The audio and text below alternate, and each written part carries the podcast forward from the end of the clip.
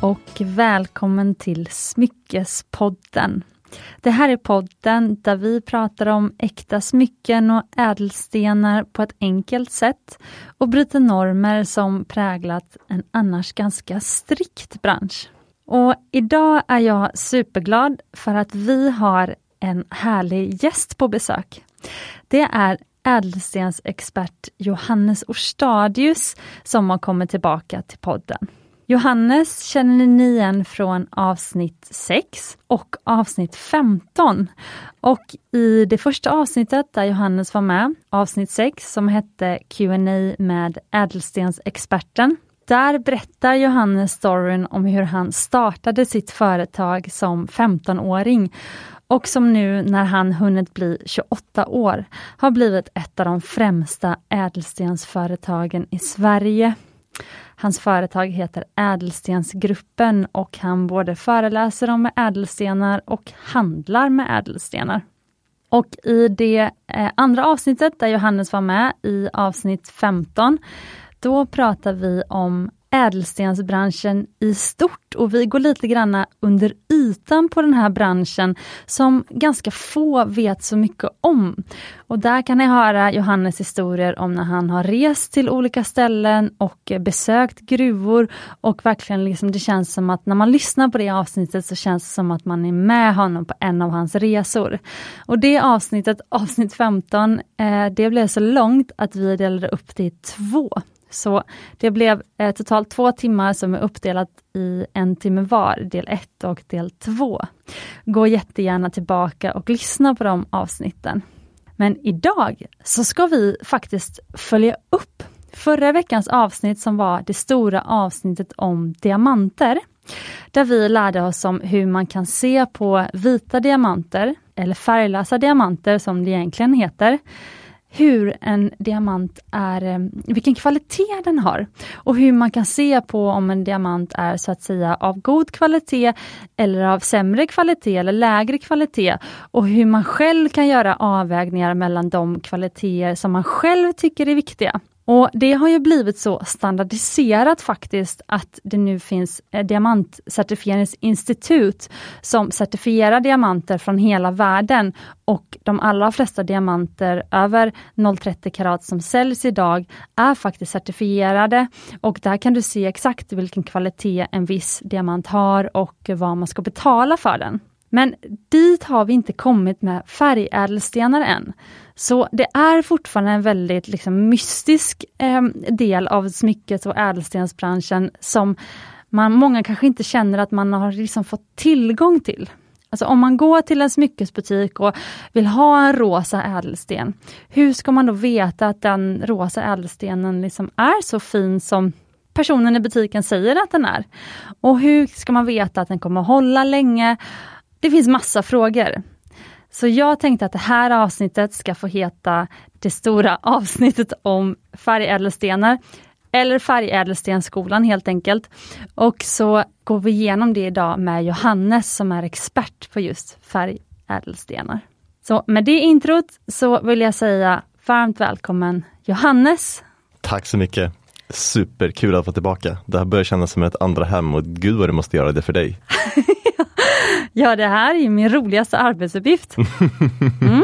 Mm. Bästa arbetet under 2021 som jag haft.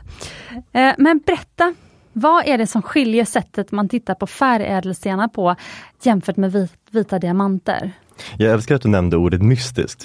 ja. För det, det, om man ska vara ärlig, det, det, är ett, det är ett väldigt bra ord att beskriva den här branschen. Eh, det är lite, många går in med synsättet att ja, men ädelstenar, diamanter och färgstenar är, är ungefär samma sak. Och Det är lätt att tro att man kan handla med båda och liksom hantera båda och, och kanske ja, men sourca båda från liknande gruvor och det liksom göra att det är samma sak. Men man kunde inte komma längre ifrån sanningen. Det är så olika saker och nu, nu, hanterar, nu hanterar vi både diamanter och färgstenar men det, jag har länge specialiserat mig just på färgstenar och, det, och, in, och då fått frågan, men varför inte, varför, varför inte diamanter också? Det är ju det är bara att ta in, liksom, det är samma sak. Men det är, så, det är så helt olika branscher och man förstår inte när man ser det från ett liksom normalt perspektiv liksom utifrån. Att det kan vara så olika. Men det är verkligen, diamantbranschen är en trevlig och ganska, ganska liksom effektiv och ganska, ganska modern bransch. När, när det kommer ny teknik i lagersystem, i, i databaser och allting sånt så appliceras det ganska snabbt på diamanter. När det kommer ny teknik inom gruvindustrin så appliceras det ganska snabbt på diamanter. Och Det ligger liksom i framkant och det är en modern, det är en modern industri. Färgstenar, det är en 1800, det är 1700-talsindustri. Det, det, det, det är liksom, man går med häst och vagn. Det är så stor skillnad är det. Och man kan ju säga, nu, nu touchade du lite grann på nackdelarna. Och det finns många nackdelar. Alltså det, med till exempel, och den här att, att det är så svårt. Vi, Alltså det, det, kommer av en av, av flera saker. Du kanske, kanske kommer ihåg att i förra avsnittet, där 15-16, som nu stackars lyssnarna kanske äntligen kommit över liksom. Med en snack om atomer där i slutet, glöm det. Nej, men, och, det där, och då var vi inne på just att det är så småskalig brytning. Att det är diamantgruvor, de är stora, de är industriella. Det är ungefär 80-90% är storskalig mekaniserad gruvdrift och bara ungefär 10-20% uppskattar man är så kallad small scale artisanal mining. Eh, småskaligt med handverktyg. Eh, färgstenar så är det precis tvärtom. Där är 80-90% som är småskaligt. Och det är små fyndigheter. Det är, det är inte bara det att de är små utan de är också oförutsägbara och små. Så man hittar ofta kristallerna i små hålrum i berget. Där man inte, som man inte riktigt vet var de finns. Så man gräver och ofta hoppas hitta något sånt hålrum med kristaller ibland. Så det är otroligt, redan från källan, redan från hur det hittas. Så, så där börjar den här liksom oförutsägbarheten som hindrar det från att bli en modern löpande bandindustri. Så det kommer liksom redan från the ground, det här att det inte riktigt finns samma förutsättningar som för diamanter. Och det leder till, och, och det där har liksom hängt kvar och det har förhindrat hela industrin att att moderniseras, effektiviseras och bli löpande band på samma sätt som diamanter. Så det hänger kvar tusenåriga traditioner, i alla fall några hundraåriga traditioner i, även i hur stenar slipas och hur, hur sliperierna ser ut. Allting är liksom, det är som att komma in i en 1800-talsvärld. Hel, I princip hela kedjan. Eh, och, och, och, det gör att, det har ju då många nackdelar. Eh, till exempel att ja, men, man kan inte systematisera och gradera riktigt lika effektivt.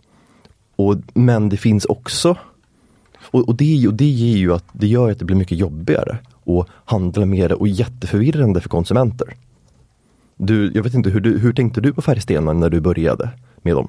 Det var ju en rolig fråga för att jag började med färgädelstenar för att det var när jag skulle göra min första vigselring. Eller om det var min andra vigselring. Eh, jag för mig att det var min allra första vigselring. Då sa hon specifikt att hon ville ha något mer unikt. Eh, och det var därför hon hade kommit till oss. Och eh, jag kommer inte ihåg om det var hennes idé eller om det var min idé, att vi inte skulle ha diamanter. För att då kunde man göra liksom en, en klassisk design, men om, så länge man inte använder diamanter så skulle det ju ändå inte bli då som en sån klassisk inom citattecken tråkig förlovningsring. Och då var ju den första sten som jag hittade då, för att jag var ju fascinerad av ljusa stenar.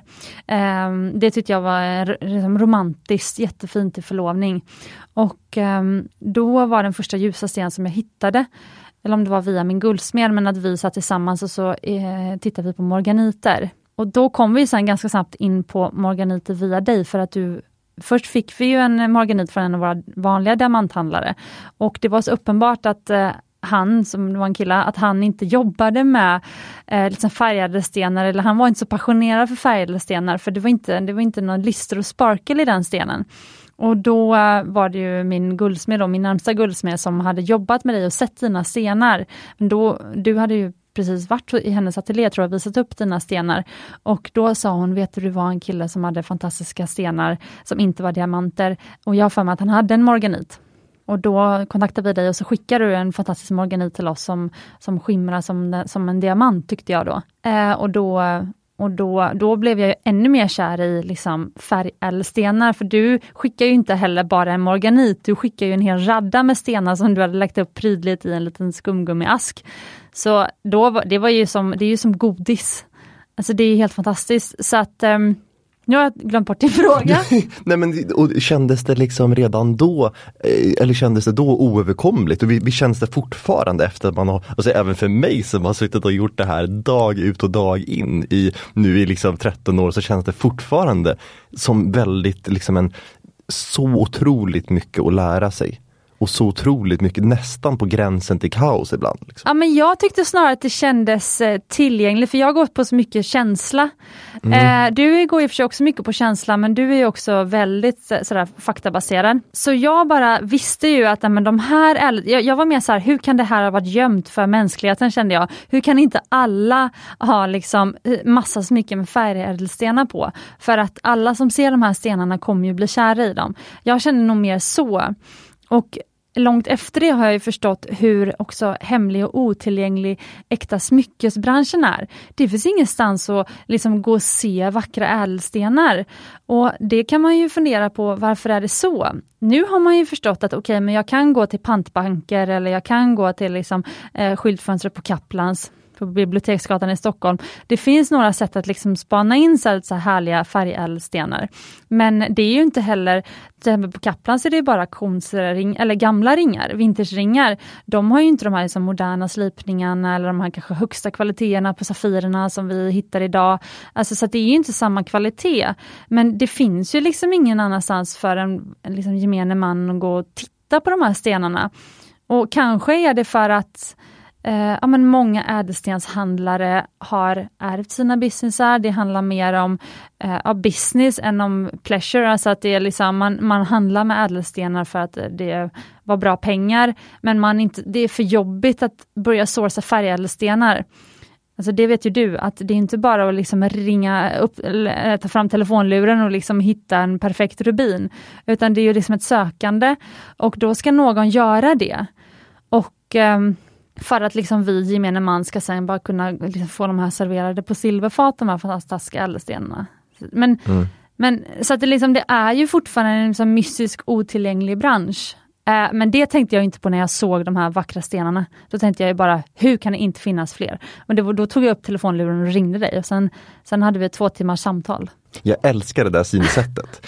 Och jag tror att det är det som, det kanske är en anledning till varför det gått så bra, varför, folk, varför folk, människor tycker om mer. För att jag tror att det där det absolut bästa synsättet att ha. För att med de här, med de här liksom svårigheterna med färgstenar, att det är, så, det är så istället för att man har ja men, diamantens färgskala och klarhetsskala ganska systematiserat och det är mycket att lära sig men det är tydligt. Det, det är strukturerat. Och sen kommer man till färgstenarna som är en, en, en, en liksom häst och, där allt saker sker med häst och vagn och allt bara är eh, det finns knappt någon systematisering överhuvudtaget både i tillgången av olika stenar, vilka färger som finns, det varierar utifrån åren vad som hittas just nu i gruvorna. Och det är bara så.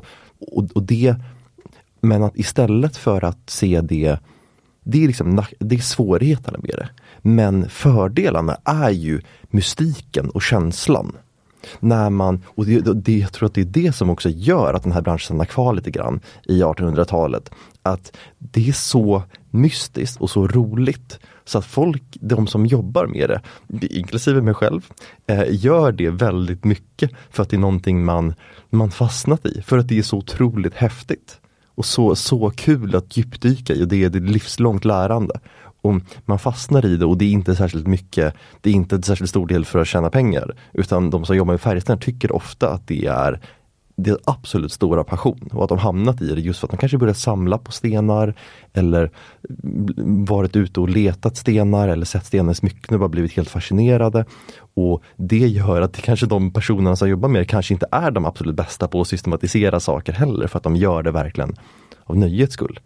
Och att då ta tillvara på den här mystiken och den liksom otroliga, otroliga valmöjligheter som finns. Och se att börjar man liksom faktamässigt systematisera och gå igenom varenda färg som finns, ja, men då har man lite förlorat charmen i det hela. Så att som du liksom såg det från början med att det här är en hel värld som öppnar sig och bara gå på känsla och bara shit, det där ser jag och det är så häftigt och jag bara liksom älskar den där, den där färgen och det där var en, en vacker sten som talar till mig. Och att se det på det sättet, det, det, jag tror att det är en anledning till varför det är Ja men nu känner jag att det mm, vårt jobb mycket mer, alltså vi som jobbar med färgädelstenar och, och skapar smycken som vi säljer med dem, eh, eller med stenarna.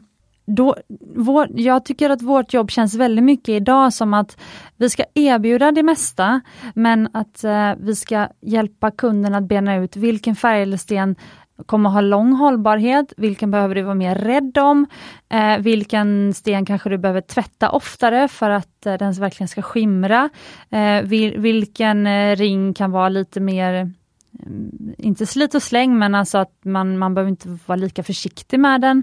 Alltså, så det handlar mycket om att eh, liksom, eh, utbilda kunden där och inte säga att eh, den stenen är dålig och den är bra, utan snarare beskriva deras olika kvaliteter så kunden själv sen kan liksom göra en, eh, en bedömning. Och Det är väl det också jag, jag verkligen vill liksom, eh, men, lite bena ut idag. Alltså för att det finns ju vissa mystiska stenar med konstiga namn som verkligen smyckesnörden kan liksom eh, nörda ner sig i och skapa ett smycke med. Men så finns det även de färgade stenar där man ändå har börjat komma lite mer kring diamanter. Alltså till exempel att systematisera eh, eh, både liksom försäljningsprocessen och kommunikationen kring stenarna. Till exempel eh, de chokladfärg eller de bruna diamanterna som finns i olika färggraderingar och så, som kanske liksom har börjat systematiseras lite. Även eh, Safirer och morganiter upplever jag att det har liksom blivit lite mm. tydligare mm. kring hur kan man se om morganit är finare kvalitet och, och, och, hur kan man se att, att den är sämre kvalitet. Alltså de stenarna är ju eh, enklare för smyckesnovisen att börja med, som vill börja med färgädelstenar. Och sen kan man de här avancerade, liksom stjärntropasen och alltså, allt vad som finns, de kan man ju ta sen. Liksom. Men vilka ädelstenar liksom, tycker du är bra att börja med, alltså för den som vill börja med färgädelstenar? Vilken, vilka färgädelstenar är enkla att förstå sig på? Safirer, jag älskar safirer. Just att de har en riktigt bra hårdhet och att man kan använda dem i, i, i, dagligt, i sitt dagliga liv. Det, det behöver inte vara en fästring eller för specifika tillfällen. Man, går, man kan gå och bära en safirring eller rubin, för safir och rubin är ju då samma material, bara att rubin är en röd safir och alla andra färger som Safir kan vara kallas Safir. Eh, men rosa Safir, blå Safir, gul Safir och de är ju den hårdheten näst efter diamant. Så det, så jag, jag älskar Safir och rubiner. Där kan man få både klassiska färger, eh, blå Safir har ju varit det som de flesta känner till och känt under, under, under flera tusen år och varit väldigt uppskattad. Men rosa Safir har kommit väldigt starkt senaste, senaste decennierna. Och nu senaste åren så börjar trenderna gå allt mot allt mer också mot att inkludera de färgerna som, som tidigare, som för, som för 15-20 år sedan eh, utsattes för diverse behandlingar för att byta färg till mer populära färger. Men, mm, och som, som man inte vilka färg, då?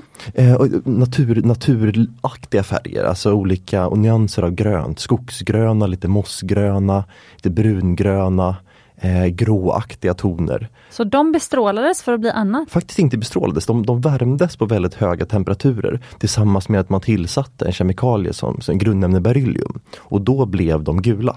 Mm. Så nästan alla gula Safirer, och även, även idag. Men, eh, men det fanns ännu mer av dem för ungefär 20 år sedan.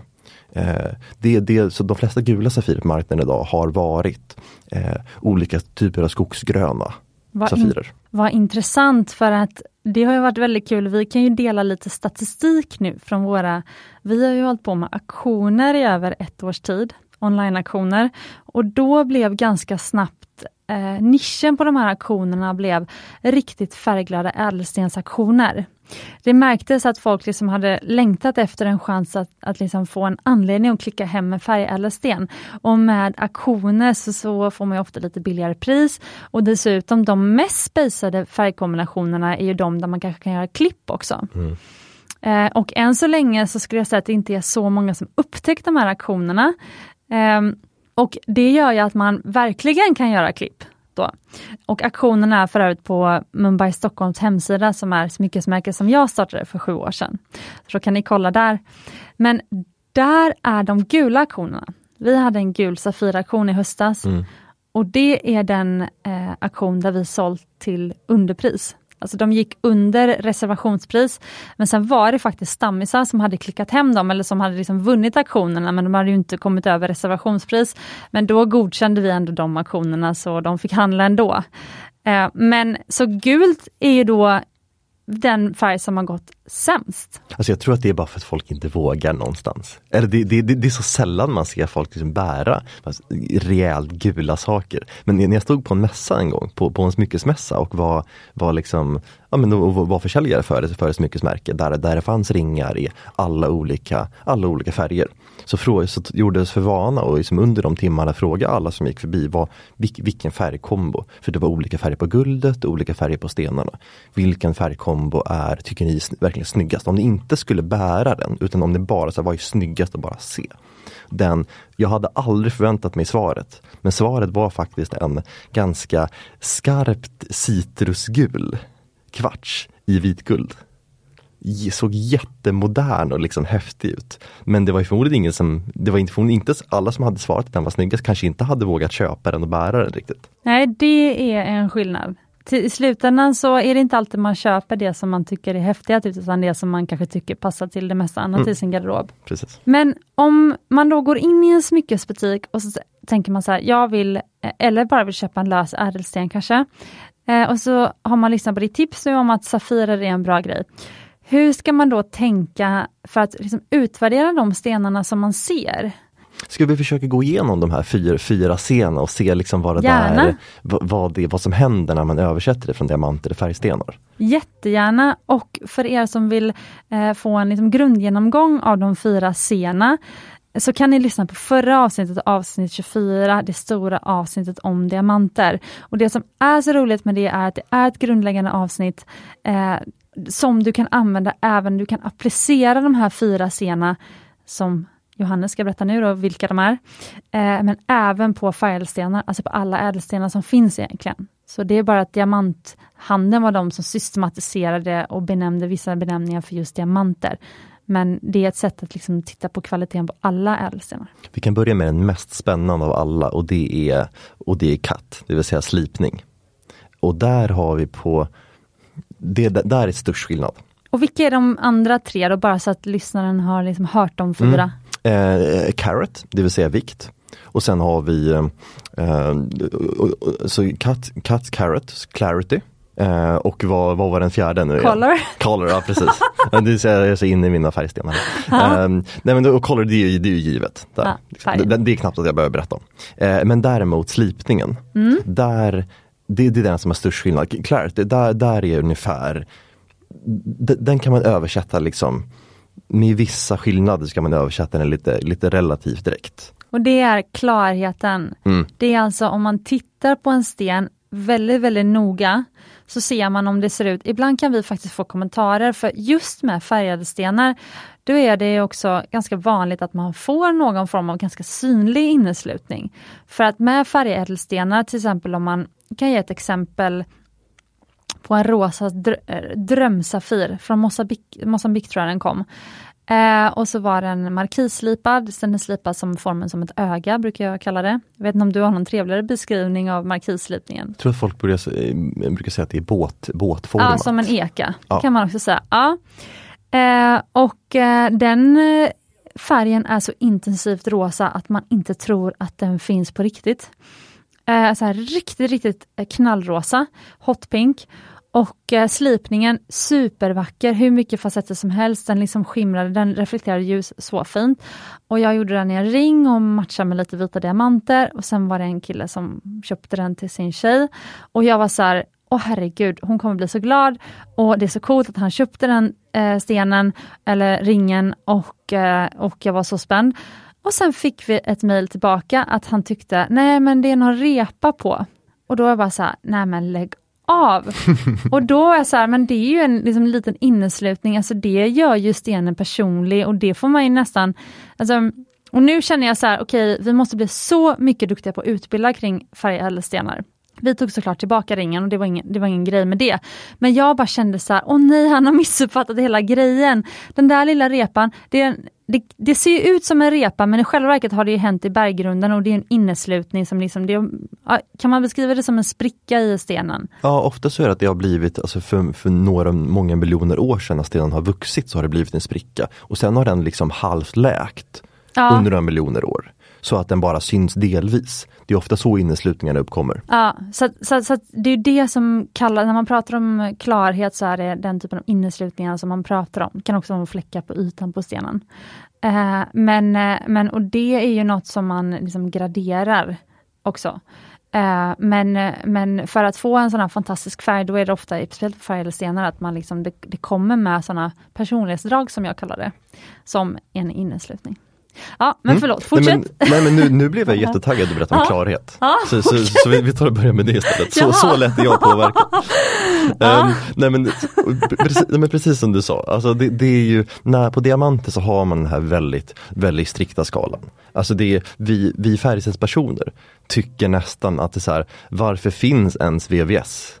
Det är ingen, och, och fram, liksom IF det är då och den, flawless. Ja, det är de höga kvaliteterna, att man, att man inte ser en inneslutning överhuvudtaget. Ett tränat öga kan med tio gångers förstoring inte se en inneslutning. Mm, den nivån exakt. vi är. Och ja. det, är så här, det påverkar de inneslutningar som, som, de inneslutningar som är så små att de utgör liksom skillnaden mellan de här högsta klarhetsgraderna, VS och VVS i diamanter och mellan, mellan VVS och, och, och, internal flawless och så.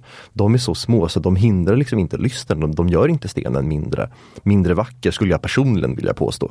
Men det är eh, ingen som kan se Det är ingen den. som kan se det och även de, de små, även neråt VS2, SE1 som man kanske kan se om man superanstränger ögat i ett bra ljus, vet exakt var i stenen man ska kolla. Med även de, precis med även de, det är ingen, även många SI2 som man kanske nätt och jämnt kan se med blotta ögat.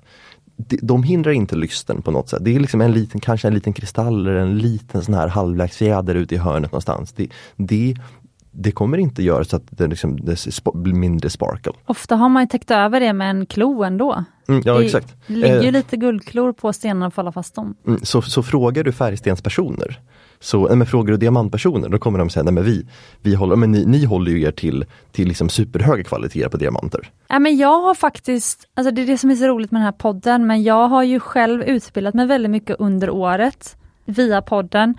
Och tack vare nu att jag lärt mig ännu mer om diamanter, för att jag verkligen vill så här, kunna lära ut på ett bra sätt.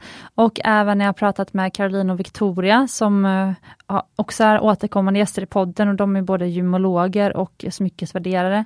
Gemologer, då har man alltså gått en utbildning och är ädelstensexpert. Uh, och kan även, är även expert på att separera naturliga från syntetiska ädelstenar. Uh, men nu har jag, eh, men att jag ska, jag har satt upp det på agendan att jag ska ta upp med teamet faktiskt nu efter sommaren.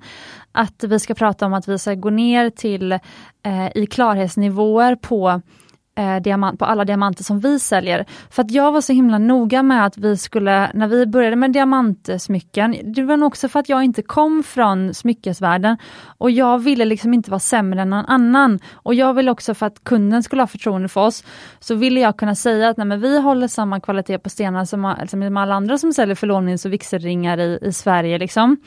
Eh, för det är ofta då när man, det är ofta förlovnings och vigselringskunderna som är väldigt noga med diamantkvaliteten. Och jag skulle säga att 9 av 10 av alla liksom, stora diamantsmycken som vi säljer är ju fortfarande inte förlovning och vigsel. Även om jag snarare säger att en diamantsolitär är ju något som ska vara liksom utanför förlovning och vigsel. Så kan man ha någon helt annat som förlovning och vigselring, en Trinity ring eller så. Eh, men så då bestämde vi, nej men Top Wesselton VS, det ska vi bara ha i alla våra smycken.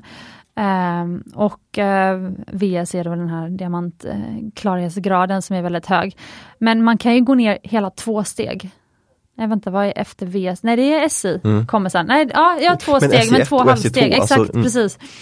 Uh, man kan ju gå ner ända ner till uh, liksom första SI-graden, för att alltså, det är ju bara den allra första på den som heter I. Mm. Inte ens SI mm. utan på I. Där kan man börja se inneslutningen med blotta ögat. Så att nu är jag så här, varför ska vi ha så liksom, dyra diamantsmycken? För det blir mycket dyrare.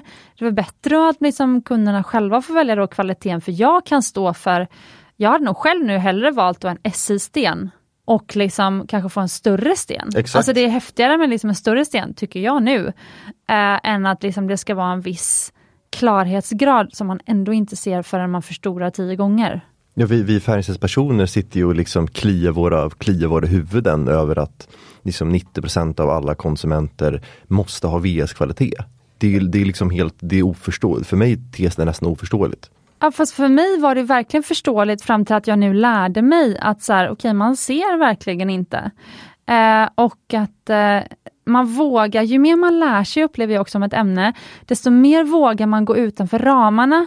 Vilket också är så här, ju mer som du som lyssnare lär dig om kanske klarhet och färg och liksom diamantens 4C och då de här även färgädelstenarnas 4C. Alltså desto mer kan du ju göra din egen grej.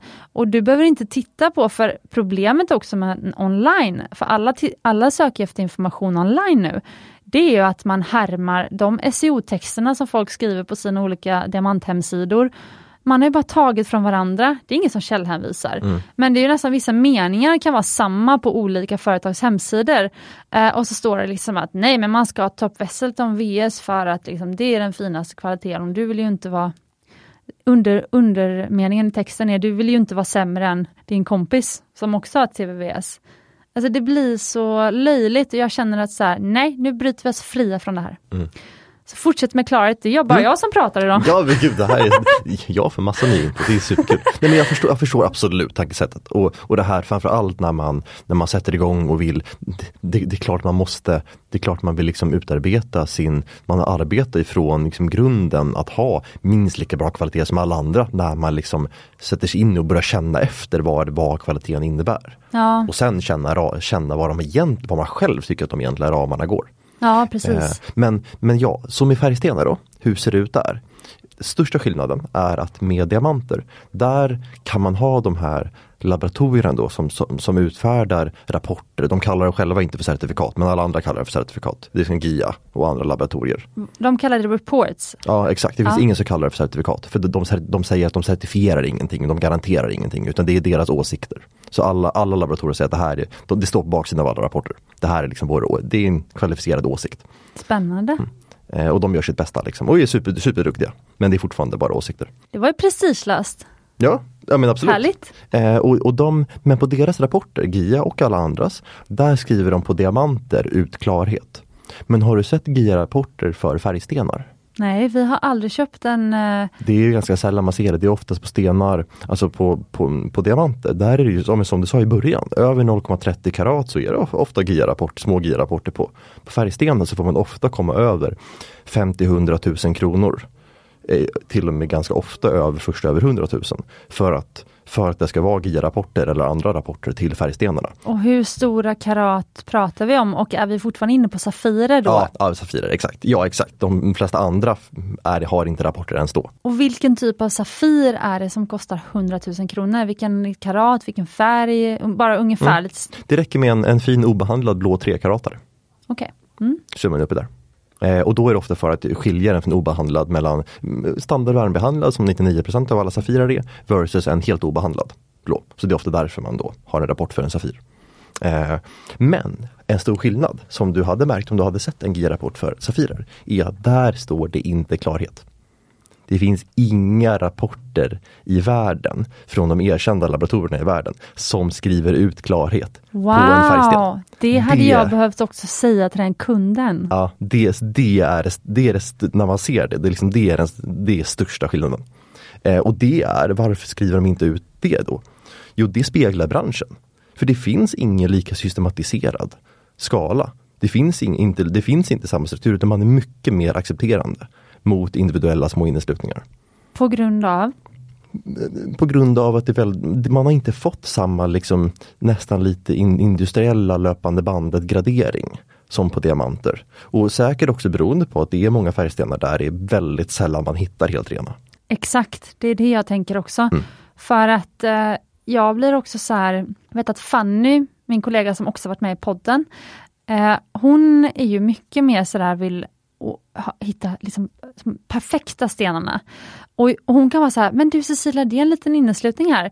Eller kanske till och med en stor inneslutning och jag är så här, men herregud det är en perfekt olivgrön Safir. Jag, alltså jag blir blind, jag ser inte inneslutningarna för jag bara ser färgen. Men det är superbra att ni har båda. Ja, det är fantastiskt. Ja, ja, hon är som min sån här fallskärm, eller, som liksom, äh, räddar upp sådär. Mm. Liksom. Äh, men, men jag blir ju så charmad av, hon är ju också mer då eh, noggrann och liksom då, ja, mm. så, mer som du kanske. Eh, och jag liksom blir ju charmad istället liksom, av den här färgen istället. Så det som, men det, finns, det är inte så att det finns noll klarhetsskalor på färgstenar, utan alla, alla handlare har sin egen lilla klarhetsskala. Ungefär, som är ungefärligt översatt mellan varandra. Och vissa försöker liksom snacka om VS och SJ-klarhet och sådär. Men det, är, men, men det är egentligen den mest erkända som finns som, eh, eh, som vi har, har anammat som vi liksom skriver i våra register och liknande. Det är, den kommer ifrån att GIA, även om, även om GIA, GIA alltså inte skriver ut någon klarhet på sina affärstidsrapporter, så finns det när man går utbildningen till gemolog inom GIA, då har de eh, då, då har de utbildning i att även gradera färgstenar. Och under utbildningen då så har de vissa läromedel, instruktionshäften för hur man klarhetsgraderar färgstenar. Och den, och den, liksom, den ungefärliga klarhetsgraderingen som då, som då internt i GI-utbildningarna används, men som de inte skriver ut på sina rapporter. Den har vi gjort en svensk översättning av och försökt liksom översätta till svenska. Och det är den vi försöker använda. Så och, din, din ädelstensgruppen då? Mm, precis. Okay. Eh, och, och den går ungefär så här. Att den, den bästa klarheten är iClean.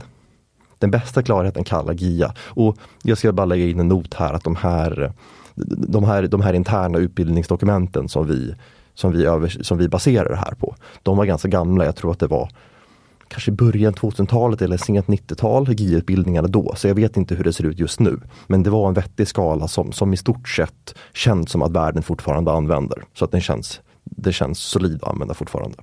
Eh, och den bästa klarheten då som de i sina interna utbildningar har var iClean. Som vi då översätter till ren för ögat. Eh, och det motsvarar diamantens från bra, S, bra SI2 och uppåt. Det vill säga allting från en bra SI2 kanske SI1, men, men, men bra SO2 skulle falla in i iClean. Så bra SI2, SI1, VS2, VS1, VVS2, VVS1, IF allt det är samma enligt... Det är i princip de högsta sju stegen, mm. sex, sju stegen. Exakt. Och sen är det bara tre, de tre lägre kvar. Så man har slått ihop de sju högsta till eh, en. Precis, och tänk på att det här är enligt GIA själva. Det är ja, de det är som liksom har i princip liksom näst, näst, ja, men är liksom centrum eh, liksom grejer för den här skalan för diamanter. De har så här få steg på färgstenar. Och hela historien om GIA eller GIA är um, delas också i förra avsnittet. Gemological mm. Institute mm. of America. Super. Det är ett av de eh, mest välrenommerade ja, men, eh, ädelstens eller laboratorierna i i världen mm. fortfarande än idag. Mm. Mm, så, och då så iClean är då den högsta. Och den, den ska ju spegla att man, man ska inte, används den på, på, på, rätt, rätt ganska strikt sätt, då, då är det att du ska om du håller den på normalt 25 cm avstånd ungefär stenen i bra ljus, vrider och vänder på den, så ska du i princip inte märka någon inneslutning. Um, om du kollar närmare så kanske, om, speciellt om du kollar med lupp, så ett nästa väldigt intressanta steg i att den här skalan för färgstenar inkluderar inte ens luppar. Den inkluderar inte ens förstoring. Utan det är bara blotta ögat. Också en väldigt stor skillnad. Så man, tar, man bullar ihop de liksom sju högsta stegen för diamantklarheten och då använder inte ens lupp vid graderingen. Bara bra ljus och bara blotta ögat. Så det talar, det, det berättar hur, hur mycket mer liksom, down to earth lite, lite grann som graderingen är. För att man använder sina ögon man sitter inte i ett laboratorium och kollar med hög förstoring som med diamanter. Eh, och det, det finns en charm i det tycker jag. Men snarare så kan man också förstå eftersom att det är, ganska, det är relativt lätt att hitta diamanter utan inneslutningar i liksom fina kvaliteter, alltså i fina färgkvaliteter. Så då kan man ju förstå varför det behövdes lupp för att ens kunna särskilja de olika kvaliteterna mm. och säga vilket pris ska betala för den här stenen jämfört med den här. Och om man då inte kan se skillnaden med blotta ögat, då måste man ju använda förstoring. Så det blir ganska tydligt varför, liksom, och, det, och det underlättar en diamantmarknad. Så, Absolut. Så att det är ganska lätt att förstå. Och sen så när man har blivit ännu bättre på att hitta massa ädelstens, färgädelstensfyndigheter och man liksom har massa, massa olivgröna safirer som man måste separera i exakt samma färg och allting. Då kanske man behöver börja använda lupp också för att gradera inneslutningar antar jag. Mm. Men ehm, men jag håller med, det gör ju det mycket roligare med, eh, med färgädelstenar för det finns så många fler parametrar uppenbarligen och det liksom, finns mycket mer nyanser i färg och sånt där. Och Det här är någonting jag tycker man ska ta med sig som konsument när man lyssnar på det här. Att det är inte bara jobbigare och mycket mer val och bara svårare och större risk att bli lurad och allt sånt med färgstenar. Utan det är också lite, lite kul. Det är också lite roligt att det inte det är inte liksom laboratorier och laserslipning. Utan saker görs för hand. Saker görs lite grann som för några hundra år sedan. Och man, man tittar på saker med ögat. Och, det som han, och, det som, och stenarna värderas utifrån vad de flesta personer, vilka färger de flesta personer tycker är vackra och hur, hur klarheten och renheten ser ut med blotta ögat. Det är liksom det som bestämmer värdet. Det är inte vad någon gemolog sitter och kollar på i tio gångers lupp. Om man ska vara lite förenklande. Och jag, det, det tycker jag är väldigt som konsument, så, så, när man går och Även om man inte kan så mycket så ty tycker jag att det skulle kännas ganska skönt. Att det är liksom vad jag ser, vad jag tycker är vackert som, som faktiskt lite, lite grann bidrar till värdet kanske på ett lite annat och ett lite tydligare sätt än vad det gör på diamanter. Vilka är de, är, hur många steg är det efter det sen? Efter iClean då kommer några steg till då? Mm. Eh, det, eh, jag kallar det för slightly included. Så, så, så, där har vi SI. Så det är samma som diamant så, eh, så diamant, liksom termen SI kommer från slightly included. Och den, och den brukar man skriva ut, fast man brukar inte säga SI utan man brukar skriva ut hela slightly included när det kommer till färgstenar. Och den översätts inte heller. Det är inte samma sak som SI. Nej, för att SI på diamanter, slightly included, betyder fortfarande med tio gånger lupp. Mm, precis, exakt. Eftersom, eftersom diamanter graderas med lupp och färgstenar med blotta ögat så är inte slightly included för färgstenar är inte samma sak som SI med diamanter. Eh, utan jag skulle säga att, att, att slightly included för färgstenar är någonstans kanske eh, vår tolkning av den här gamla instruktionsmanualen då, GIA. Eh, väldigt, väldigt liksom den, den känns inte som att den nödvändigtvis tolkar saker på exakt samma inneslutning på exakt samma sätt som, man, som det görs på diamanter. Men någonstans runt en, en lite sämre SI, alltså någonstans kanske mitten av SI2 och neråt. Kanske slightly included faller på färgstenar. Men återigen, det här är väldigt det här, allting är individuella tolkningar. Varje handlare har sin egen tolkning i princip. Och sen kommer included då antar jag? För sen kommer, eh, faktiskt inte. Eh, så man har ICLI, slightly included och sen moderately included. Eh, som vi översätter till måttligt innesluten. Ah, okay. och, och, därefter kommer heavily included.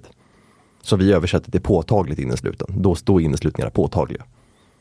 Så det är en helt annan skala. Okej. Okay. Är det, är det något du vill, ehm, herregud nu blir jag redan stressad för att det har gått så eh, snabbt det här och vi har bara gått igenom en av de fyra färgstensscenerna. Oj, oj, oj. Ja, ja visst. Men det är tur, eh. tur att det inte det är inte så mycket att gå igenom. Färg, där är känslan som styr, känslan som gäller liksom. Ja precis, eh, så jag känner att vi måste gå vidare från klarhet men är det, är det något du vill ge som tips här till lyssnaren bara innan vi släpper klarhet då, för nu, eh, av de här liksom hur man ska titta? Nej men bara att man får känna sig lite tryggare på diamanter. Alltså på diamanter har man ju certifikat att luta sig tillbaka mot. Då kanske man känner sig rädd på färgstenen för att man har inte det oftast. Men så kan, tycker jag att man kan känna sig lite trygg i att ja, men det behövs inte för det, det, det är ens egna ögon som ska bestämma. Eh, och sen när vi går över till, så vi går upp till färg då. Återigen, då är också ens egna ögon som ska bestämma. Det är liksom värdet på färgstenar har i princip satts ut efter vad människor generellt har tyckt varit vackrast. Nu, senaste 20 åren, så har det varit, och det, det bestäms det, bestäm, det verkar bestämmas i viss grad av att människor någonstans har funnit de här starka, klara färgerna när de hittar sin natur. Man går runt i naturen, man går runt på en strand och man ser en kristallklar blålysande sten i sanden. Det är klart att man tycker det är superhäftigt. Så någonstans är det någonting mänskligt med det här sällsynta och det här, det här, liksom, det här exceptionella är, talar till en och liksom ger en känsla av, av högre värde. Så om man utan att kunna någonting skulle gå på en strand och se en intensivt lysande naturlig blå kristall och en annan bredvid som var lite gråblå så skulle nog de flesta, om de var tvungna bara att plocka upp en, skulle de plocka upp den här intensivt blå bara för att den var häftigare. Eh, och mycket riktigt så har, verkar det alltid varit så att de här intensivt blå safirerna har alltid varit lite mer värda än mörkblå eller dovt blå safirer. Så det finns någon slags grund i någonting generellt nästan mänskligt. Men samtidigt så är det också ett lager på det som är, trend, som är väldigt starkt trendberoende. Så till exempel det här jag nämnde med att gula safirer idag har ofta varit under vissa, vissa grönaktiga nyanser. Naturtonade, kryddfärgade nyanser från början. Och sen blir värmda på lite högre temperatur. Och med tillsats av kemikalien beryllium och så blir de gula nu, det som hänt senaste åren, när ja, grönt och naturfärger har blivit väldigt poppis i stenvärlden. Det är att det här ursprungsmaterialet har blivit dyrare än vad gula safirer har blivit. Och då är, tjänar man inte på att behandla längre. Vi har ju stark efterfrågan och har haft i flera år på olivgröna safirer. Mm, och det är en typisk färg som tidigare kanske hade behandlats till gula safirer. Men det är någonting man generellt kan säga till om färgade stenar, att när man hittar man en väldigt stark färg, då är den ofta värd mer mm. än om du skulle hitta en mer liksom, mjölkig sten till exempel. Så att man premierar ju färgädelstenar för just deras liksom, intensiva färg. Alltså tänk att man målar med akvarell eller ja men akvarell är väldigt bra, eller en, en färgpenna, att trycka hårt mot pappret. Akvarell kan också vara att det liksom tar mycket färg och lite vatten. Alltså ju mer färg det är i stenen desto mer är den värd generellt. Mm. Det är en väldigt bred regel men någon slags tumregel. Det, det funkar oftast. Det finns vissa undantag, men, men ofta så gäller den. För det var ju också en fråga fick från en tjej i teamet nu eh, när, och sa att jag skulle träffa dig. Och så sa hon så här, men jag har blivit kär i morganiter. Och det känns som att det är många som liksom är ute efter morganiter nu. Eh, men är det så att det är de ljusaste morganiterna liksom som är superljusrosa, är de mer värda eller är liksom de, de starka rosa mer värda? Alltså hon ville gärna att vi skulle prata liksom lite grann om det. Och då har jag en idé, vi får se vad, vad du säger. Mm. Jag skulle säga att i de flesta fall, jag ska, en, en djup anledning till, val, till varför en intensivt blå Safir är dyrare än en dovblå är inte bara för att den med mänskliga sinnena kanske känner att den är lite mer exceptionell och liksom eh, hör inte riktigt hemma i vardagen utan är någonting out of the ordinary. Eh, och, Så det kommer till sällsynthet också. Så man, man ins, gärna inser liksom att det här med det här intensivas blå, de, de, är, de råkar också vara de sällsyntaste. Och det bidrar också till värdet. Och det där är också en tumregel. Ju sällsyntare färg, så länge den är vacker, ju dyrare sten. Så en, liksom en stark, mättad, rik färg och, men också att man tänker ju sällsyntare den är, desto dyrare blir den. Om man lägger ihop de två faktorerna, faktorerna då får man en ganska vältäckande regel för värdet på färg. Eh, och om vi applicerar det på morganit till exempel, då råkar det faktiskt också stämma överens med att de starkare färgerna är också de sällsyntaste. Mm. Så det är de starkaste färgerna som faktiskt är dyrast. Sen betyder inte det att de inte, att, att liksom de ljusaste, att, att de ljusare är mycket billigare. Utan på morganit just eftersom morganit är så populär för att det är liksom en vacker pastell blush pink. Eh, och det är det folk vill ha. Så allting som kommer upp till en viss, att man ser att det är en synlig, liksom, vacker men ljus färg. Eh, då är man uppe på en liksom ganska, då är man in, inne på en värdefull sten. Och sen ju starkare färgerna får därifrån, då är inte, det är inte alltid att priset stiger jättemycket utan det är liksom någon slags platå där man kommer upp i en fin synlig färg. Och sen Sen är det inte säkert att priset gått upp jättemycket därifrån. Okej, okay, men det måste vara en tydlig färg då? Så man måste, måste vara tydlig rosa man måste kunna, se, man måste kunna se det, mm. man vill se att det är en färg. Många morganiter idag, de billiga morganiterna idag, det är de där man i princip inte ser en färg. För då kommer nästa eh, liksom fråga också som jag faktiskt också fick i den här diskussionen eller i det här samtalet. Och det var om eh, liksom färgade diamanter. Det är ju också, kan man liksom mm. säga, en färgädelsten för att de inte graderas utifrån den här. De har inte heller någon strukturerad eh, graderingsprocess, inte, inte på samma sätt som vita i alla fall. Eh, men för att det, det, är en fråga som vi ofta får till oss, till, så någon i teamet får ofta det här från en kund, där det är hur ska man veta hur mycket liksom en, eh, en bruntonad diamant är värd? Alltså vi använder ju orden eh, champagne, choklad och mörk choklad. Eh, liksom vilken nyans av de här bruna är det som är mest exklusiv och, och, och sådär. Eh, hur, hur, skulle du säga där? Jag skulle säga att det, är, det följer sällsynthet. Mm. Eh, och det råkar vara så att de, de absolut sällsyntaste eh, bruna diamanterna, det är de som är eh, djupt men inte för mörkt bruna. Mm, eh, mörk choklad. Mörk, mörk choklad och som, som inte drar åt något håll riktigt i, i tonen utan verkligen ganska rent djupbruna. De är väldigt svåra att hitta och därför är de av rent sällsynthetsmässiga skäl dyrast. Ja, för det kan jag uppleva också, något som man inte heller om man bara ser de här färdiga ringarna eller smyckena online eller i butik, då kan man också tänka sig att det är så lätt att hitta dem. Men till exempel då de här chokladdiamanterna som vi använder eller mörk choklad. Många av de stenarna som vi sorterat bort är ju orangebruna, rödbruna, eh, gulbruna. Grönbr grön, ja, gulbruna. Precis, precis grönbruna, exakt.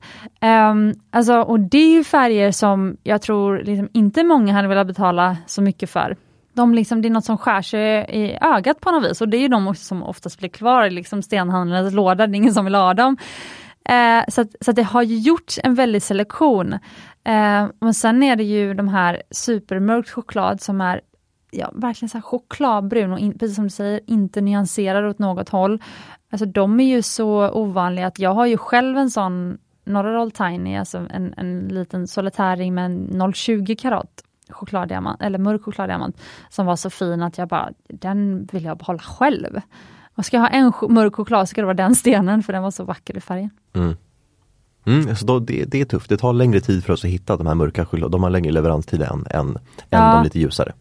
Men här kommer vi in på en annan, då det nästa tredje set, som är cut, mm. slipningen. För att här är det en spännande grej med eh, färgelstenar tycker jag, i att man inte, man inte lika liksom noga med vinklar, det är liksom inte, det graderas, in, eller du får gärna berätta hur det graderas, men um, i alla fall jag använder inte vinklarna som ett sätt att liksom utvärdera om en sten är fint slipad, för jag vet att man kanske har en bulligare undersida för att man vill att morganiten verkligen ska vara rosa. För hade man skurit bort för mycket eh, av, av stenen på undersidan så hade den fått en mycket ljusare ton. Eh, och då värderar man färgen istället och gör den liksom bulligare och, och då får den också en högre karat. Eh, så kan du inte berätta lite grann om hur man använder slipning för att så förstärka kvaliteterna hos en färgädelsten? Mm. Det finns, eh, det där är en jätteviktig, eh, det där är en jätteviktig faktor. Eh, och sen finns det, så den, den faktorn att just att behålla färgen, att det är färgen som har, kommer i första rummet när det kommer till att bestämma värde och, och ofta attraktivitet hos en färgsten. Det gör att slipningen får lite andra prioritet. Och så det, den ska vi hålla i bakhuvudet. Och så finns det en till faktor också. Och det är att eh, slipningen är fortfarande, görs på ett mer ålderdomligt och traditionellt sätt än på diamanter. Eh, det, är, det är väldigt ofta, mycket mer görs, görs för hand. Eh, det är inga 3D-scannings eller laser eh, 3D-skanningsbedömningar eh, som, som, som delvis görs i dator och laserslipningar och liknande, utan det görs väldigt Eh, det är väldigt handarbete med slipning av färgstenar. Och det är fortfarande så att sliparna får nästan alltid eh, betalt för sitt, handar, för, för sitt hantverk per karat. Så de får betalt baserat på hur, mycket, hur stor stenen är i vikt. Och det gör att liksom, övergången till att slipa strikta vinklar som på diamanter. Om man, om man tänker sig om man, om man, de som lyssnar liksom ser framför sig en diamant från sidan, så den här spetsen man har under till. Eh, det är en väldigt, den gör att den gör att man kapar bort väldigt mycket av råstenens vikt. Medan skulle man göra undersidan mycket mer bullig istället för en spets, då skulle man behålla mycket mer av råstenens vikt. Och eftersom sliparna får betalt per karat och branschen är fortfarande sån att köparna kommer att köpa stenar även om de inte är perfekt diamantslipade. Så det tillåts fortsätta liksom. Och eftersom sliparna inom färgelstenar. Inom färgel, precis inom färgelstenar. Och eftersom sliparna liksom sliperierna vet att de kommer kunna sälja sina stenar. Till, kanske inte alla men till många. Även om de är väldigt bulliga och inte har världens bästa sparkle. Eh, och, sli, och därför säger de inte till, därför tvingar de liksom inte sliparna att slipa med diamantvinklar. Och sliparna får betalt per karat så de vill göra så bulligt som möjligt generellt inom ramarna de har. Så därför har det här fortsatt då i hundratals år med att man slipar med de här bulliga undersidorna. Och det så är det fortfarande. Och hur ser du på det här? Jag ser med blandade känslor på det här.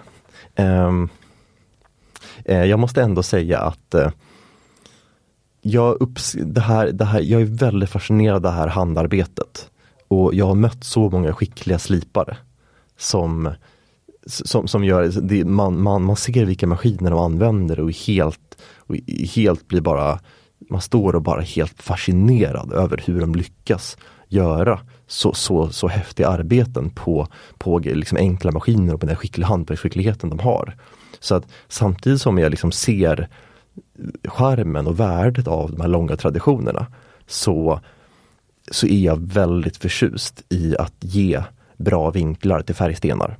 Så det vi gjort är lite av en kompromiss. Vi arbetar med sliperi i Sri Lanka som vi, när vi letade sliperier för länge sedan, ett tiotal år sedan, eh, såg vi att de hade väldigt hög potential. De var väldigt, väldigt duktiga slipare. Men de slipade, de hade fortfarande det här med att de slipade med bulliga undersidor. Och att man inte såg lika bra lyster som på diamanter, eller liksom, som det skulle kunna vara. Så det vi gjorde är att vi sa ganska tidigt till dem att vi skulle vilja ha diamantvinklar. Men vi kommer också men vi höjer också alla priser, vi, vi betalar det dubbelt. Allt ni, allt, allt ni begär, alla priser ni begär, vi betalar dubbelt. Om ni gör det här. Och det funkade perfekt. Business tips. Mm. Ja, men det, jag håller i och för sig med, man ska betala sina leverantörer bra, då brukar det bli bra. Mm.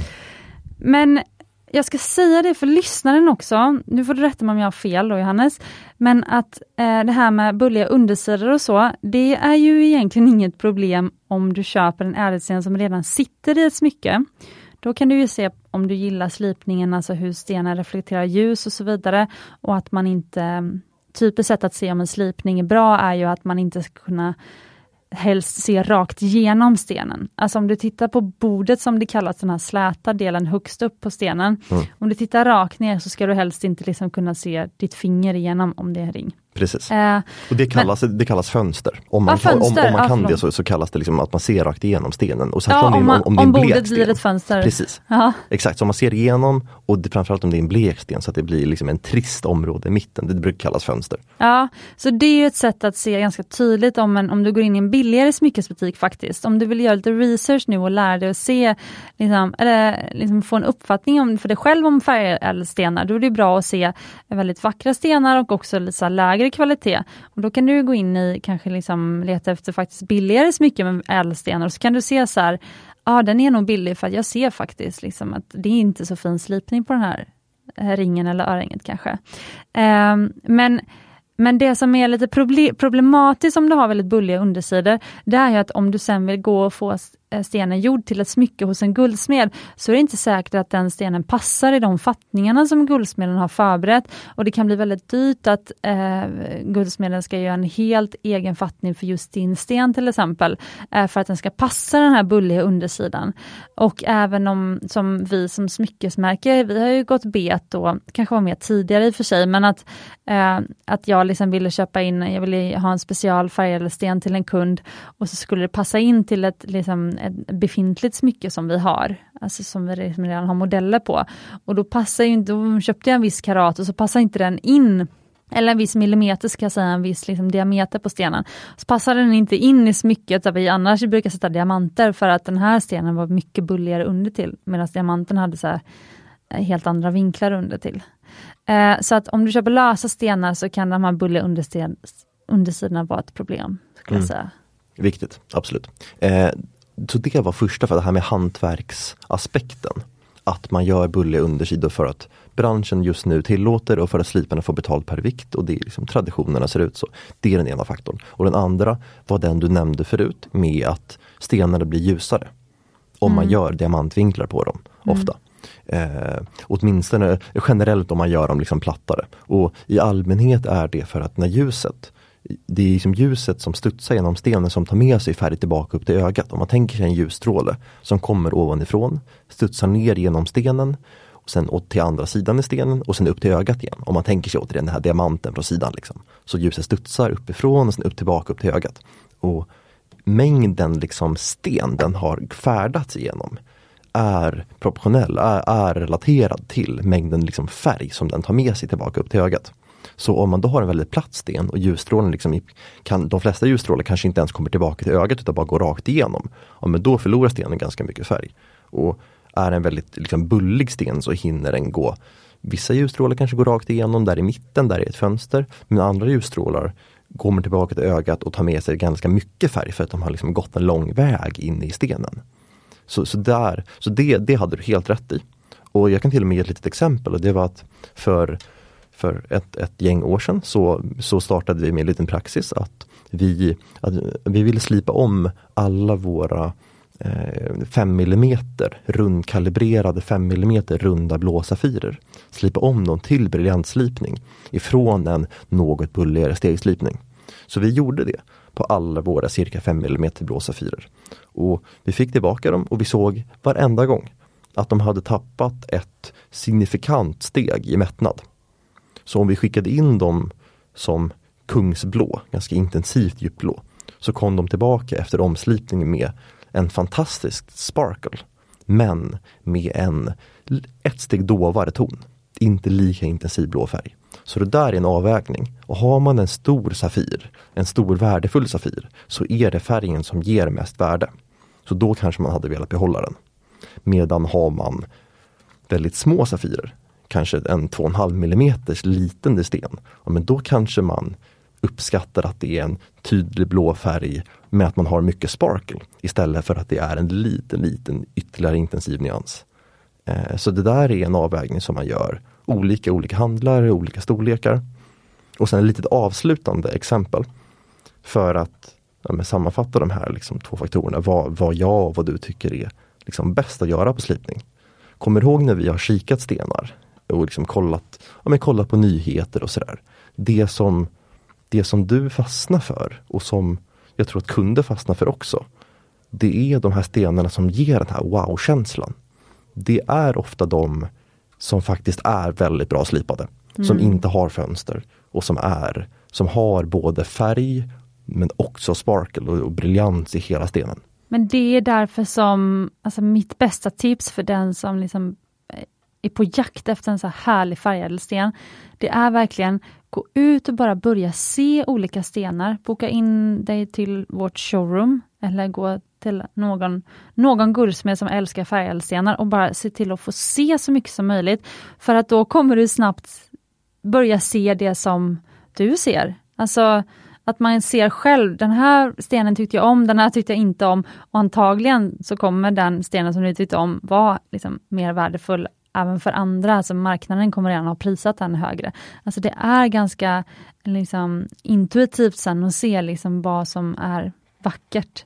Sen så det man inte kan se med blotta ögat är ju kanske då till exempel sällsynthet, som då kan göra att eh, en, en, en sten skjuter iväg i pris. Eh, och Det som är lite sporten då kan ju vara då att försöka hitta en liksom, eh, sten som du tycker som liksom matchar dina kriterier så väl som möjligt och som kanske Sällsynthet handlar också om hur många fler som vill ha den. Alltså är den sällsynt, eh, liksom, är det hög efterfrågan? Eller så är det inte det. Alltså jag tror ju att man fortfarande kan hitta väldigt många fina färgädelstenar till ett otroligt bra pris. Jag gör ju det fortfarande. Alltså stenar som jag tycker är värda mer än diamanter är ju långt billigare än diamanter nu. Bara för att det är inte så många som är på jakt efter färgädelstenar. Det är fortfarande en liksom bransch som alltså, många vill köpa ett smycke och det är en statussymbol, då vill man ha en vit diamant. Alltså, vi har inte kommit dit med färgädelstenar än. Så att jag tror nu och några år framåt kommer man kunna göra så mycket klipp. Jag håller med. Ja. vi sa ju att vi skulle hålla det här till en timme, det har vi nästan gjort. Eh, det blev ju, känns som att det här flög förbi. Eh, jag ska släppa eh, Johannes för han ska iväg på ett till möte. Gud vad tråkigt. Ja, så otroligt tråkigt. Eh, men eh, vi får ju säga då tack för den här gången. och så får vi säga det till dig som lyssnar att eh, Johannes tror jag gärna kommer tillbaka till podden. Det tror jag också. Ja, så um, om du har fler frågor, alltså har, vi har gärna ett qa avsnitt igen, eller en frågepodd med Johannes. Så att liksom du som är mer taggad nu, skicka frågor till Smyckespoddens Instagram eh, om färgädelstenar, eh, så kommer vi ta upp dem i podden. Hoppas att du kände att du fick, eh, fick ut av att lära dig lite mer om de fyra scenerna kring färgädelstenar och att du kände att det här kanske var ett ännu mer friare sätt att se på ädelstenar än vad kanske det är att se på de fyra scenerna på diamanter. Har du någon sista hälsning till eh, eh listan innan du rusar vidare? Ja, men, men ta med er det här med att det är bara den, den njutningen att man kan se på stenar och det är bara det skönheten som man slås av med, sitt, med sina egna ögon som bestämmer värdet. Och det är liksom när en sten talar till en, det är verkligen, då ska man låta sig själv fastna för, för den. Och det är så underbart att den här kategorin av stenar finns, där, där är det som bestämmer. Precis. Och mitt sista tips är nog att eh, tänk också kombinationer av färgädelstenar beroende på nyans så kan du ju, du kan ju ha matcha en ljusrosa eh, Safir med en eh, ljusgul Safir och en vit diamant till exempel. Alltså det finns väldigt mycket man kan göra med liksom matchningen av färgädelstenar och liksom kombinera ihop liksom din egen, ditt eget smycke som gör det ännu mer unikt. Så fastän du använder så att säga vanliga färger på de här ädelstenarna så kan du skapa ditt eget smycke genom att kombinera olika färger. Det är mitt tips. Ha en fantastiskt härlig dag! Och glöm inte, du är värd äkta smycken.